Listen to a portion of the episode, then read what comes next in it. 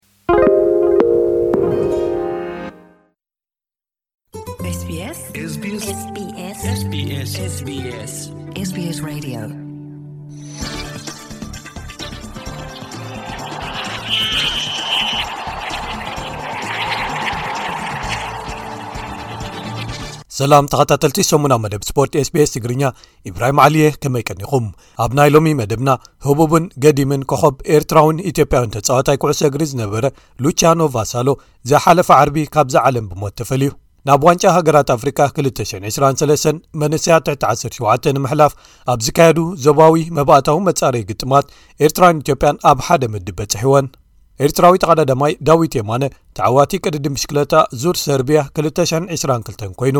ሻምፒዮና ቅድድም ብሽክለታ ዓለም 222 ኣብዚ ኣብ ኣውስትራልያ ኣብ ከተማ ወለንጎንግ ተጀሚሩ ዝለዓሉ ተቐዳደምቲ ኤርትራን ኢትዮጵያን ንዝተፈላለዩ መደባት ቅድድም ይቀራረቡ ኣለዉ ዝብሉ ገለ ትሕሶታት ንምልከቶም እዮም ሰናይ ምክትታል ህቡብን ገዲምን ኮኸብ ኤርትራውን ኢትዮጵያዊን ተፃዋታይ ኩዕሶ እግሪ ዝነበረ ሉቻኖ ቫሳሎ ዝሓለፈ ሰሙን ካብዚ ዓለም ብሞት ከም ዝተፈለየ ዝተፈላለዩ ምንጭታት ሓቢሮም ሉቻኖ ኣብ መበል 87 ዓመት ዕድሚኡ ዝሞተ ኮይኑ ፈደረሽን ኩዕሶ እግሪ ኢትዮጵያ ናይ ፅንዓትን ክብርን መልእኽቲ ኣመሓላሊፉ ኣብ ሱሳታት ሓለቓ ሃገራዊት ጋንታ ኢትዮጵያ ዝነበረ ሉቻኖ ሞቱ ንፈለማ ግዜ ብወግዒ ዝገለጸት ሓንቲ ካብተን ቀደም ዝጻወተለን ዝነበራ ጋንታታት ኣሶሴሽን ስፖርቲቭ ሰይንት ጆርጅ ወይ ከኣ ማሕበር ኩዕሶ እግሪ ቅዱስ ጊዮርጊስ እያ ኣብ ኣስመራ 927 ተወሊዱ ምስ ጋንታ ጉሩፖ ስፖርቲቮ ኣብ ኤርትራ ንክልተ ዓመታት ድሕሪ ምስላፉ ምስ ጋንታታት ድሬዳዋ ጥጥ ማህበርን ቅዱስ ጊዮርጊስን ተጻዊቱ ሓዉ ኢታሎ ቫሳሎ እውን ከይጸንሐ ኣብ ድሬዳዋ ተጸንቢርዎ ነይሩ እዩ ኣብ 962 63ን 65ን ኣብ ኣቆጻጽራ ፈረንጂ ኸኣ ድሬዳዋ ጡጥ ጽዋዕ ሊግ ክትጓናጸፍ ሓጊዞማ ሉቻኖ ምስ ሃገራዊት ጋንታ ኢትዮጵያ ፍሉይ ታሪኽ እዩ ዘለዎ ዝበዝሐ ግዜ ንሃገራዊት ጋንታ ተሰሊፉ ዝተጻወተ ብምዃን ሓደ4 ግዜ ተሰሊፉ 47 ሽቶታት ተመዝጊቡ ኣብ ታሪክ ኢትዮጵያ ኸኣ እቲ ካብ ኩሉ ግዜ ዝበለፀ ተፃዋታይ ተባሂሉ ይቁፅር ሓደ ካብቶም ዝለዓሉ ሃንደስቲ እንኮ ዓወት ኢትዮጵያ ኣብ ዋንጫ ሃገራት ኣፍሪካ 1962 ኮይኑ ቀዳመይቲ ሽቶ ኣብቲ ውራይ ዘመዝገበን ኣብ ግጥም ፍርቂ ፍፃሜ ኣንፃር ቱኒዝያ ኸኣ ክልተ ሽቶታት ዘመዝገበን እዩ ኣብ ምዝዛም እቲ ውራይ ከኣ ሓለቓ ጋንታ ጥራይ ዘይኮነ ኣብ ታሪኽ ኢትዮጵያ ክሳብ ሕጂ ፍሉይ ዝኾነ ብሉፅ ተፃዋታይ ናይቲ ውራይ ተባሂሉ ተሰሊሙ ኣብ 206 ካብ መላእ ኣህጉር ኣፍሪቃ ናይ ኩሉ ግዜ ሓምሳ ብሉጻት ተጻወቲ ተባሂሉ ብኮንፈደሬሽን ኩዕሶ እግሪ ኣፍሪቃ ወይ ካፍ ተሰሪዑ ካፍ ንዕኡን ንመንግስቱ ወርቁን ኣብቲ ተርታ ብምእታው ክብሪ ሂብዎም እዩ ዜግነት ኢጣልያውን ዘለዎ ሉቻኖ ኣብ ጥቓ ከተማ ሮማ ኣብ እትርከብ ኦስትያ እዩ ዓሪፉ ንጽባሒቱ ኸኣ ኣብ ከተማ ሊዶ ኣብ ዝርከብ ቅድስ ሞኒካ ቤተ ክርስትያን ስነ ስርዓት ቀብሩ ከም ዝተፈጸመ ጸብጻባት ሓቢሮም ናብ ዋንጫ ሃገራት ኣፍሪቃ 223 መንእሰያት ትሕቲ 17 ንምሕላፍ ኣብ ዝካየዱ ዘባዊ መባእታዊ መጻረይ ግጥማት ኤርትራን ኢትዮጵያን ኣብ ሓደ ምድብ በጺሕወን ብመሰረት እቲ ዝሓለፈ ሰሙን ዝወደቐ ዕጫ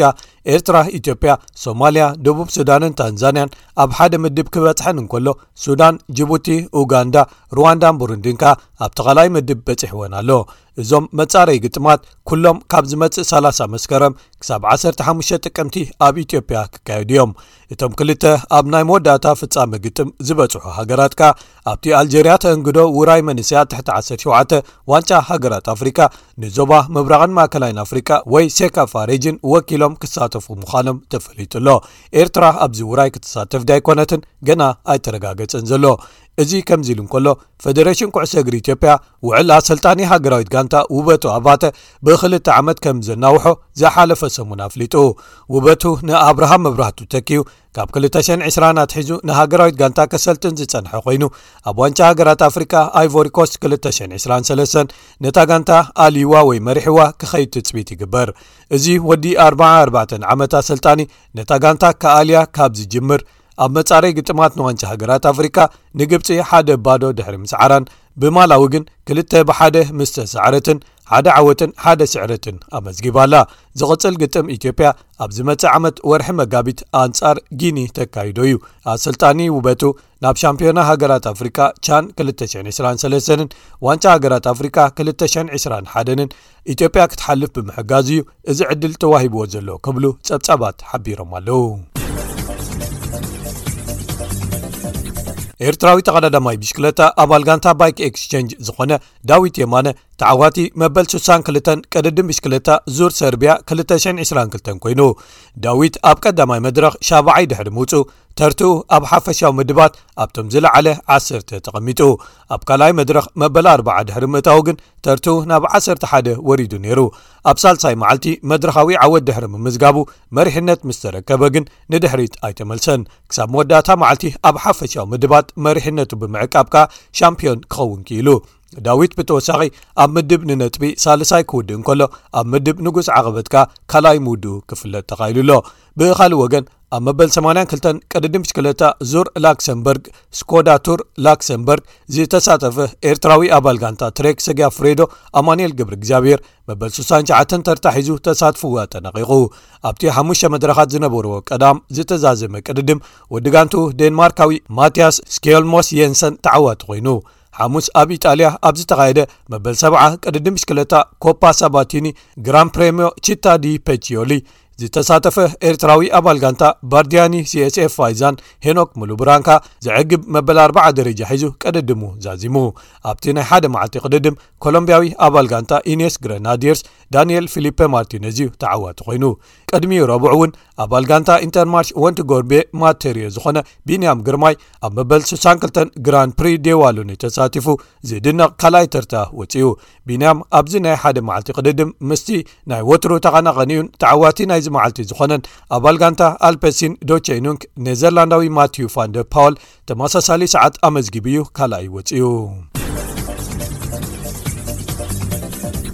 ኣብ መወዳእታኻ ክቡራት ሰማዕትና ሻምፒዮና ቅድድም ብሽክለተ ዓለም 222 ሰንበት ኣብዚ ኣብ ኣውስትራልያ ከተማ ወሎንጎንግ ብዓወት ኔዘርላንዳዊት ኤለን ቫንዳይክ ኣብ ቅርድም ቅልጣፈ ግዜ ብውልቂ ደቂ ኣንስትዮ ተጀሚሩ ይካየድ ኣሎ ኖርወጃዊ ቶባያስ ፎስ ኣብ ቅርድም ቅልጣፈ ግዜ ብውልቂ ደቂ ተባዕትዮ ኣብ ተመሳሳሊ መዓልቲ ዝተዓወተ ኮይኑ ኣሎ እዚ ውራይ 11 ምድብ ቅርድማ ትሒዙ ን8 መዓልታት ዝካየድ ኮይኑ ሰንበት 25 መስከረም ክጠናቀቂ እዩ ሎሚ ሶኒ ክካየድ ተመዲቡ ዘሎ ቅርድም ቅልጣፈ ግዜ ትሕቲ 23 መንእሰያት ኮይኑ ኣማኒኤል መሓርን ስምዖን ተስፋጋብርን ክሳተፉ ኣብቲ ተሓዲሱ ዝወፀ ዝርዝር ተቐዳደምቲ ኣትዮም ኣለው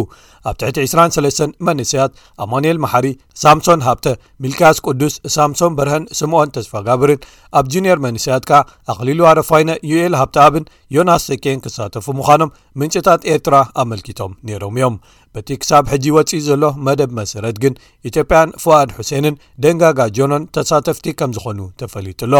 ኣብ ቅድድም ምቅብባል ሕውስዋስ ፀወታታት ጋንታ ማሕበር ቅድድም ብሽክለቲ ዓለም ተቐዳድምቲ ኣልጀርያ ሩዋንዳ ኤርትራን ኢትዮጵያን ብሓባር ሒዛ ክትቀርብ ምዃና ኣብ ዝርዝር ተሳተፍቲ መርበብ ሓበሬታ ፕሮሳይክሊን ዶ ኮም ሰፊሩ ኣሎ እቶም ተቐዳድምቲ ከኣ ሩዋንዳውያን ረነስ ብይዛ ሂርወን ዳያን ኢንጋቢረን ኣልጀርያውያን ሓምዛ ኣማርን ነስሪን ሑሊን ኤርትራውያን ዳናይት ፍጹምን ሄኖክ ምሉብራንን ከምኡ ውን ኢትዮጵያውያን ሰላም ኣምሃ ኪያ ሮጎራን ነጋሲ ሃይሉ ኣብርሃን እዮም ኣብ ቅድድም መንገዲ ጁኒየር ደቂ ኣንስትዮ ኢትዮጵያዊት ጽገ ይገዙ ክትሳተፍ እያ ኣብቲ ቀዳም ክካየድ መደብ ተታሒዝሉ ዘሎ ቅድድም መንገዲ ኤሊት ደቂ ኣንስትዮ ኤርትራዊት ደሴት ኪዳነን ኢትዮጵያውያን ሰላም ኣብ ምሃን መኮነን ዕንቋይን ክሳተፋ እየን ኤርትራ ብመንገዲ ሓያላት ተቐዳደምታ ቢንያም ግርማይ መርሃዊ ቅዱስ ናትናኤል ተስፋጼን ኣማንኤል ግብሪ እግዚኣብሔር ሄኖክ ሙሉ ብራንን መትከል እዮብን ትሳተፎ ኤሊት ቀድድም መንገዲ ብዙሕ ትፅቢት ተገይሩሉ ዘሎ እዩ 80 ኪሎ ሜትር ብሸነኽ ደቡብ ካብ ከተማ ሲድኒ ርሒቓ ትርከብ ከተማ ወለንጎግ